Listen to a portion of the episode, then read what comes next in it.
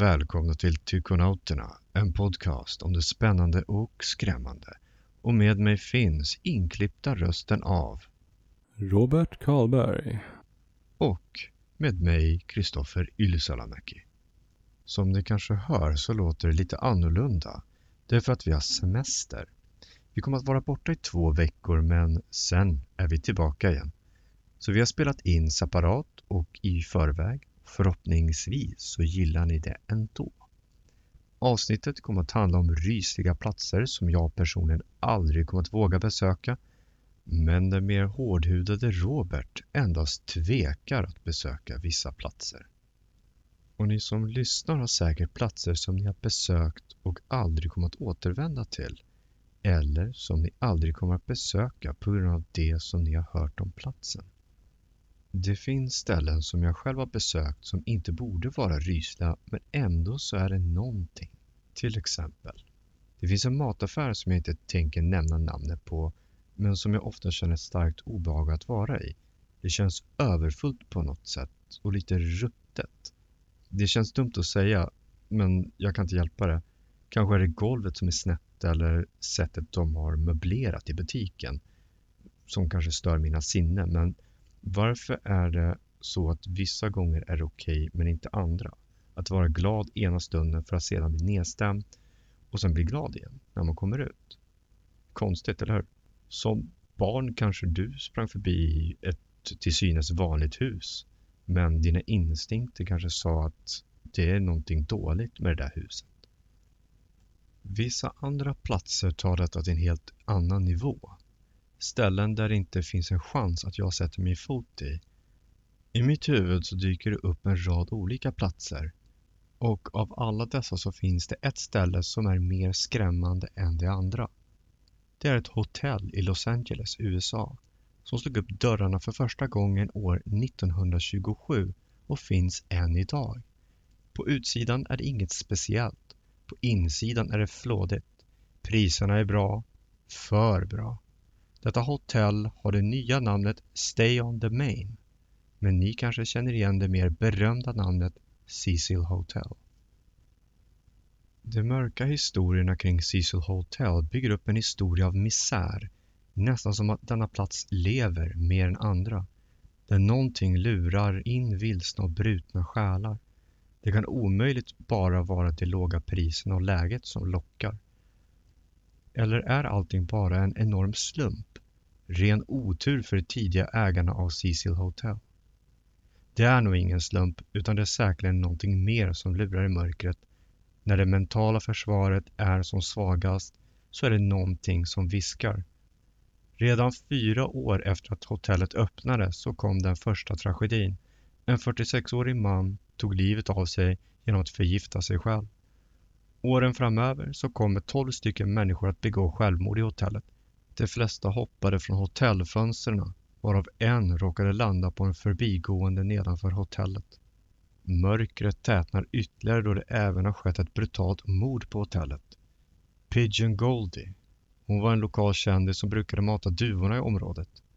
Hon hittades mördad i ett av rummen i Cecil Hotel. Det kriminalfallet är fortfarande olöst. Hotellets mörker sträckte sig även utanför området. Två seriemördare har varit incheckade på hotellet. Richard Ramirez och Jack Unterweger. Ramirez, som också kallades för The Night Stalker, mördade 13 människor mellan åren 1984 och 1985. Flesta morden skedde genom att han bröt sig in hos offren i Los Angeles. Polisen hittade sataniska symboler som The Night Stalker hade lämnat efter sig på brottsplatserna. Det sägs att Ramirez bodde på Cecil Hotel under tiden han fortsatte sin mordturné och rummet han hyrde var på högsta våningen. Efter att han hade mördat ett offer så återvände Ramirez till hotellet, tog av sig sina blodiga kläder och kastade dem i en container bakom hotellet. Helt naken gick han upp till sitt rum och ingen verkade bry sig. Till slut åkte Ramirez fast. Polisen hade hittat ett fingeravtryck som avslöjade hans identitet. Den 30 augusti 1985, bara några dagar efter hans senaste mord, så arresterades han i östra delen av Los Angeles. Under rättegången 1989 så sa Ramirez att han var en satanist och refererade till Satan. Två månader senare dömdes han till döden, men Ramirez ångrade ingenting och sa “Big deal, death always went with the territory”. Han blev aldrig avrättad, för år 2013 så han cancern ta honom. När jag läste om Ramirez så förde tankarna mig till ett tidigare avsnitt här på Tykonauterna. Demoner och exorcism, hans sökande efter döden, det okulta. Var det en demon som hängde på hans axlar? När jag fortsatte att läsa om Ramirez, hans uppväxt och hur allting bara hade gått snett i hans liv så förstår jag bitvis varför han blev som han blev. Den andra seriemördaren, Jack Unterweger, var en journalist som skulle undersöka prostitutionen i Los Angeles. Innan han reste från sitt hemland i Österrike så hade han redan hunnit mörda många kvinnor. Väl i Los Angeles så checkade han in på Cecil Hotel och enligt honom en sorts hyllning till The Night Stalker. Unterweger har mördat tre prostituerade under vistelsen 1991 och på brottsplatserna hittade man hans signatur, en speciell knut på offrens bh. Den amerikanska och österrikiska polisen jämförde brottsfallen med varandra och såg sambandet som var Jack Unterweger. Han åkte fast och 1994 blev han dömd till livstid för nio mord. Han hängde sig själv i fängelset med sin egna signaturknut. Cecil Hotel ger mig kalla kårar bara att ha läst om det. Det finns inte en chans att jag befinner mig i närheten av stället. Frågan är om Ramirez öppnade någon sorts mörk portal under sin tid i hotellet. En sorts acceleration av det mörka. Det finns nog ingen bättre plats för en demon eller ont väsen att vistas i. Det sägs att vålnaderna finns kvar i hotellet, kanske till och med Ramirez själv. Det amerikanska paranormala utredningsteamet Ghost Adventures har utrett Cecil Hotel. I deras utredning så fångar de udda fenomen som till exempel skrik, en kran i ett handfat som mystiskt sätts på, skuggor. Ett mycket intressant avsnitt som jag rekommenderar att ni ser. Men det finns ett mystiskt dödsfall på Cecil Hotel som gjort både mig och många andra förvirrade. En helt vanlig kvinna som aldrig checkade ut ur hotellet utan försvann spårlöst. Ingen kan väl bara försvinna i tomma luften? Eller? Robert kommer att berätta den skrämmande historien om Eliza Lam. Elisa Lam föddes i Kanada 1991. Hon älskade att blogga och var väldigt passionerad i mode. Hon hade fått eh, diagnosen bipolär och depression. I januari 2013 bloggade Elisa att hon skulle resa runt i olika städer i USA. Och den 26 januari bokar hon och checkar in på hotellet Cecil. Rummet hon tog var delad med andra turister. Det framkom senare i utredningen att hon blev omplacerad efter rumskamraterna klagat på hennes udda beteende. Eh, tanke på hennes diagnoser var ett krav från föräldrarna att hon skulle kontakta dem varje kväll innan läggdags. Nu den 31 januari, dagen då hon skulle checka ut, hörde hon aldrig av sig. Föräldrarna blev otroligt oroande och ringde Los Angeles-polisen. Polisen tog åt sig fallet och nästan direkt åkte till hotellet och letade exakt överallt. Både i rum och på taket och även på taket så hade de med sig spårhundar. De intervjuade anställda, lokala företag och butiker i närområdet. Bilder sattes upp också. Efter ett tag blev detta nationella nyheter i USA och till och med i Kina. Polisen fick tag på kamerainspelning och visade det för allmänheten. Nästan omedelbart blev detta viralt på nätet. Ingen förstod vad hon gjorde i hissen dagen hon försvann. I klippet ser man att hon tar sig in i hissen, trycker på samtliga knappar, gömmer sig i hörnet vid dörren. Sedan tittar hon ut mot hallen snabbt och går in i hissen igen. Man kan tolka att hon tittade då efter någon. Efter en stund går hon ut i hallen och gestikulerar udda med händerna. Eh, tanke på handgesterna ser ut som att hon har en konversation eller bara, ja, hallucinerar. Och sen sedan försvinner hon ur bild. Ungefär två veckor efter filmen släpptes började gästerna på Cecil-hotellet klaga angående det låga vattentrycket och den äckliga smaken i vattnet. Eh, 19 februari beslutade sig en vaktmästare efter alla klagomål att ta sig till taket där vattentankarna finns. Där i en av tankarna upptäcker vaktmästaren kroppen av Elisa Lam. Först och främst, att ta sig till taket finns två alternativ. Dörren till taket var låst via en koddosa. Ja, så det krävdes ett lösenord för att öppna dörren. Och även dörren var larmad. Alternativ två, ta sig upp via brandtrappan. Eh, vilket inte heller var en enkel process. Eh, och nu till andra mysteriet. Att ta sig upp till vattentanken behövdes en stege. Och det fanns ingen stege på taket. Det är något som vaktmästaren har med sig eh, när han ska väl upp på taket och arbeta. Nu säger vi att hon tog sig upp genom att klättra. Själva luckan in till vattentanken är otroligt tung. Nu ska hon krypa in i tanken och väl där inne är det omöjligt att stänga luckan inifrån då. Och det rapporterades att luckan var stängd när hon hittades. Detta är historien som många personer har skrivit om och berättat genom åren. Saken är att det många inte tar upp är faktan bakom mycket av det här. Det är, det vill säga att vaktmästaren senare tog tillbaka uttalandet att luckan var stängd. Eh, det finns även en video på hur man enkelt tog sig upp till taket via brandtrappan, inga problem. Och precis vid vattentankarna är ju trapphuset. Bredvid trapphuset så kan man hur lätt som helst ta sig upp till taket via en trappa då. Och sen då om man vill, på taket är det bara att hoppa över till vattentanken. Och även i videon så ser man två av fyra luckor ja, på, på vattentankarna är öppna. Det är ju, ja, oavsett då vill jag bara påpeka att det här är ju, det är ju en väldigt hemsk historia. Eh, depression och bipolär är ju inte någonting att leka med. Eh, så jag tror, jag, jag tror ju själv då att hon fick en manisk episod, vilket man kan se på i hissen då hur hon beter sig. Och sen senare då tog hon, till, tog sig till taket och hoppade in i en vattentank då. Det, och sen varför det kan ingen svara på. Men det är vad jag tror hände. Ingenting tyder på att det fanns en gärningsman inblandad. Eller något paranormalt.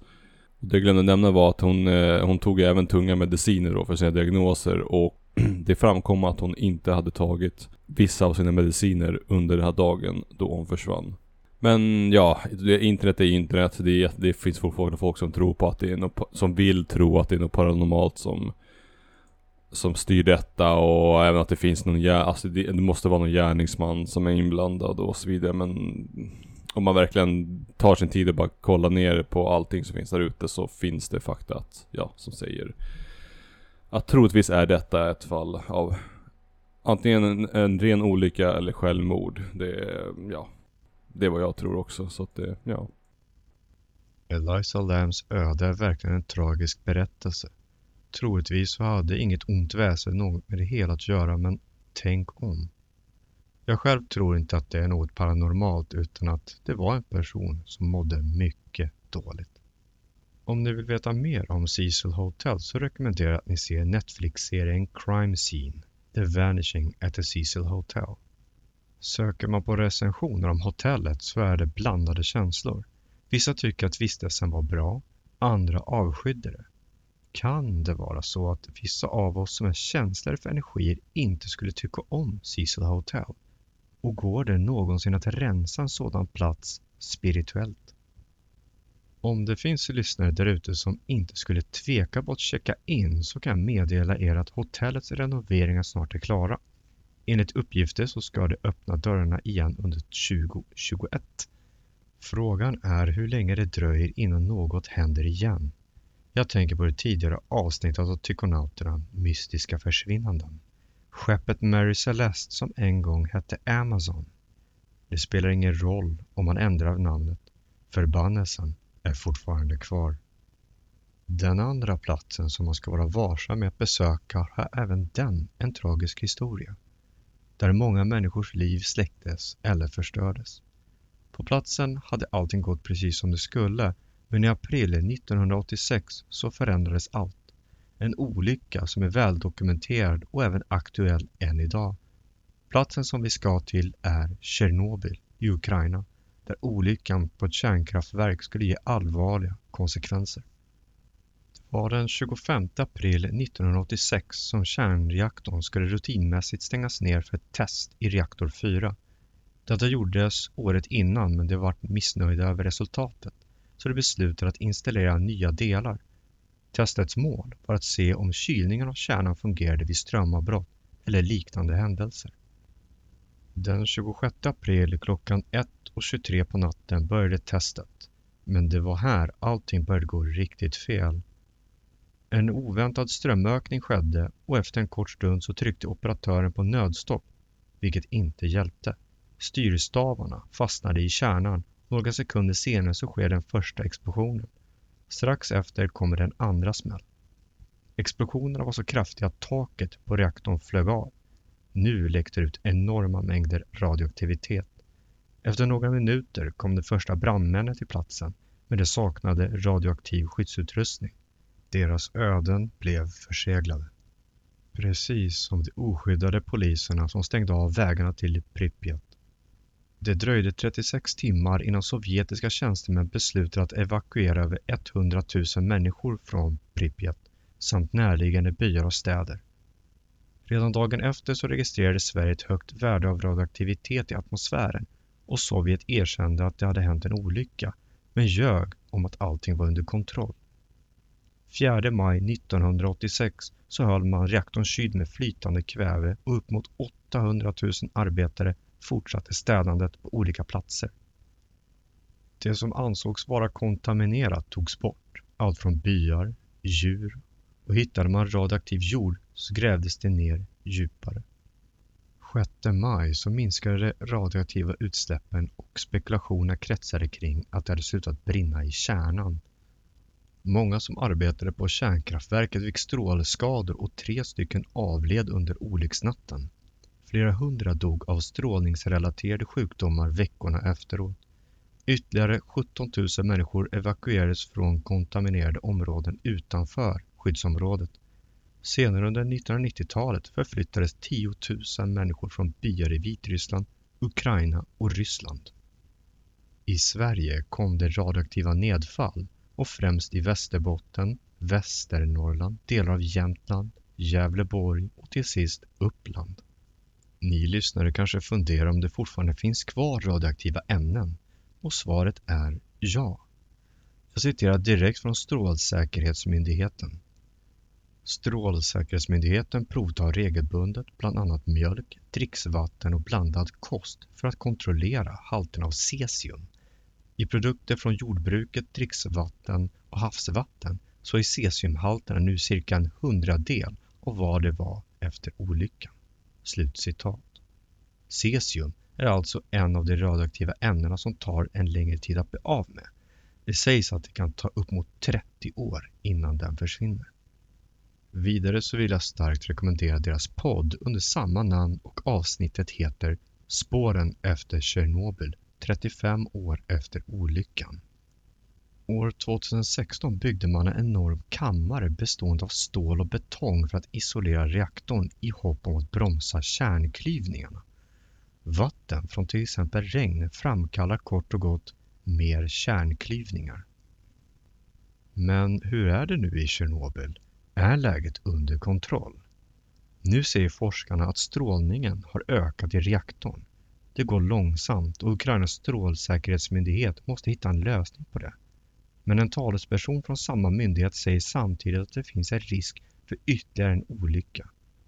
Däremot så kommer den inte att bli lika illa som tidigare utan mestadels lokala problem.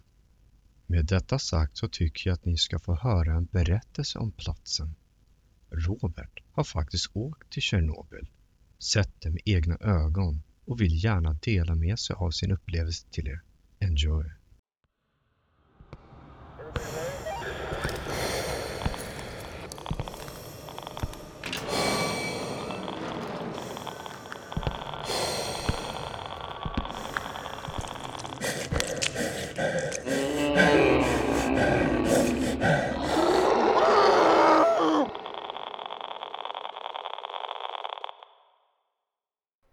2011 i december bestämde jag och en kompis att boka en resa till staden Kiev i Ukraina. Om jag inte missminner mig var detta kompisens första flygresa. Jag vet inte varför, eller jo, jo, jo jag vet det men det var min inre sadist som tog över detta tillfälle och mobbade honom vid flygstart och landning. Dock så ärligt var jag lite orolig under resan då planet var en äldre modell och exakt där vi satt fanns det flertal väggpaneler som satt ihop med bara silvertejp. Planet var av en propellertyp och hade en kapacitet av max 100 passagerare skulle jag gissa. Eh, när vi väl landade safe and sound så vid flygkontrollen där de kontrollerar pass och så vidare trodde jag att min resa skulle ta slut där. Jag lämnade mitt pass och kontrollanten kollade på mig och sa business or pleasure. Business or pleasure. Jag svarade pleasure och ser hur hans hand började svänga långsamt under bordet. Förmodligen då mot en typ av knapp.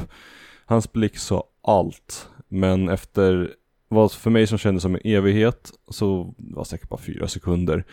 Så lämnade han tillbaka mitt pass och jag fick passera förbi säkerhetsspärren. Kompisen då hade bok, hade ju tidigare bokat ett hotell nära kända platsen Freedom Square. Vår guidetur skulle ske nästkommande dag. Vi gör som turister gör, går runt, äter allt möjligt, shoppar lite och sedan taggar då inför morgondagens äventyr. Vi vaknar tidigt på morgonen men inser nu ett, ett stort misstag.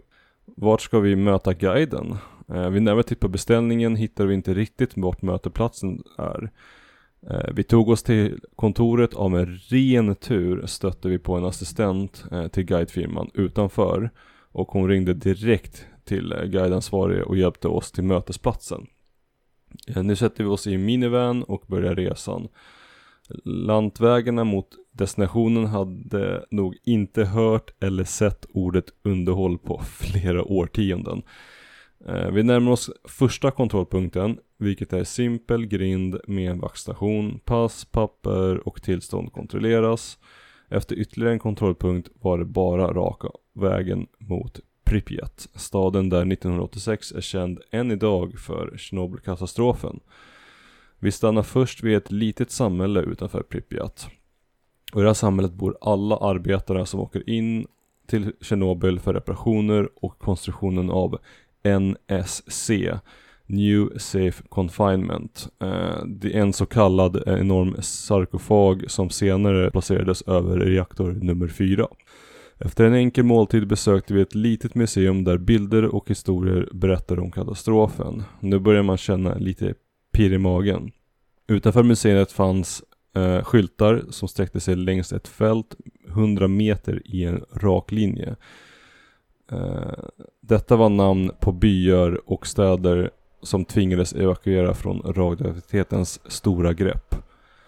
Nu kickade det verkligen inte in för mig och kompisen. Vi satte oss i bilen och en kort stund senare anlände vi till en del av staden Pripyat.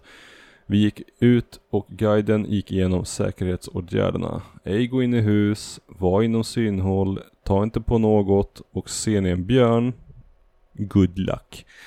Vi skrattade lite högt men bara minuten efter så ser vi fakt faktiska spår av björn i snön.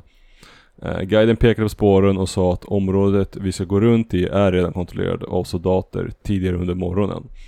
Efter vi har gått runt ett tag, sett förfallna hus, inser jag hur vackert omgivningen är. Trots den hemska händelsen har naturen återtagit området från människan. Träd, buskar, i syntes trängs igenom betongen. Spår av naturliv fanns överallt. Eh, efter ett tag säger guiden att vi ska hjälpa till och leta efter broschyrer som deras kollegor dagen innan hade tappat. Nu fick vi gå in i, gå in i hus då och utforska. Jag och kompisen taggade till direkt och gick in i ett stort eh, komplex. Vi tog oss upp för trappor och där insåg vi att faran bara var runt hörnet. Och vad vi kunde tyda befann vi oss nu på ett basketplan.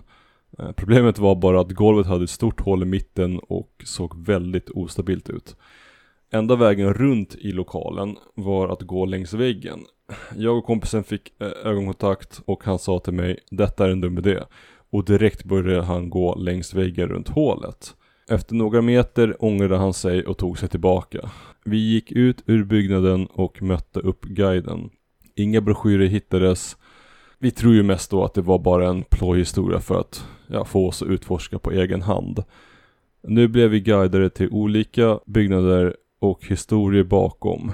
Till exempel sjukhuset där de flesta brandmännen behandlades eh, och senare dog av radioaktivitet. Pariserhjulet i nöjesparken, polisstationen, gallerian, ja och så vidare. Efter detta hoppade vi in i bilen och tog oss närmare Tjernobyl. Ett sista stopp innan var nog den plats som påverkade mig mest. Eh, detta var ett daghem där många barn och familjer samlades innan de slussades vidare med bussar. I daghemmet fanns det kvarlevande saker som kläder, gosedjur, skor, skolböcker, matlådor och häften.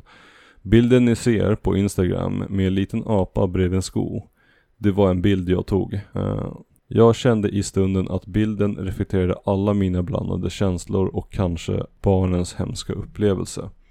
Nu anländer vi till slutdestinationen. Fåtal kilometer ifrån ser vi reaktorn och framför oss fanns ett stort monument för alla som först var på plats vid olyckan. Det vill säga brandmän, poliser, ja, som man säger på engelska, first responders. Eh, med Geigermätaren riktad mot reaktor 4 fick vi utslag Eh, och guiden tog oss därifrån efter ungefär fem minuter. Han berättade samtidigt att arbetarna på plats får bara vara där cirka en timme innan det blir avlöst av nästa grupp. Då på grund av den höga radioaktiviteten. Nu var guideturen klar och resan tillbaka påbörjades. Innan man lämnar Pripyat måste man stanna vid en kontrollpunkt och gå in i ett litet skjul där det fanns en maskin som mätte radioaktivitet. Man klev upp och ställde sig på fotpedaler och efter några sekunder om det pep, då var man radioaktiv. Kompisen gav utslag och det var hans skor som hade lite lera. Detta tvättades bort och efter en till skanning godkändes han och nu åkte vi tillbaka till hotellet. Tjernobyl och Pripyat är ställen som jag aldrig kommer att besöka. Främst för radioaktiviteten men också för att det är kusligt. Eftersom alla bara fick ta med sig det viktigaste så lämnades mycket kvar. Som om någon stoppat tiden eller att alla försvann i tomma intet. Det måste ha varit skrämmande för människor att inte fått veta vad som pågick och sedan paniken när man fått veta. All denna mörka energi finns nog lagrad i marken och husen precis som radioaktiviteten. Kanske är det hemsökt. Eller muteras djuren och blir något annat, mer skrämmande och farligare. Jag har hittat några berättelser som jag tänkte dela med mig av. Och den första är att det sades att på olycksdagen i Tjernobyl så såg arbetarna en humanoid med svarta vingar och röda ögon. Om man såg denna varelse så skulle man få mardrömmar. Kanske var det Mothman. Vem vet? Och den andra är, kan det ha funnits ufos i närheten som minskade katastrofen i Tjernobyl? En månad tidigare så hade flygplatsen Kharkov registrerat en ökande andel ufos nära kärnkraftverket. Personen som jobbade på flygplatsen tillade även att tre timmar efter explosionen i Tjernobyl så observerade en arbetsgrupp av kärnkraftsspecialister ett eldklot.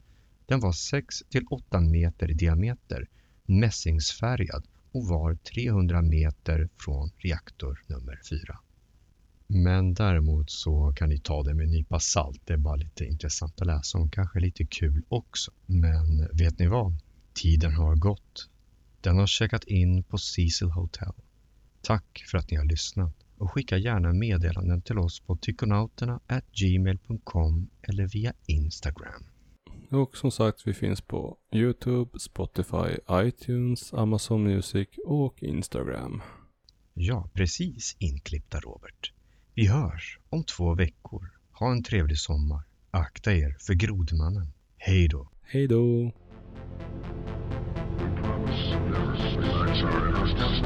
Show you flash,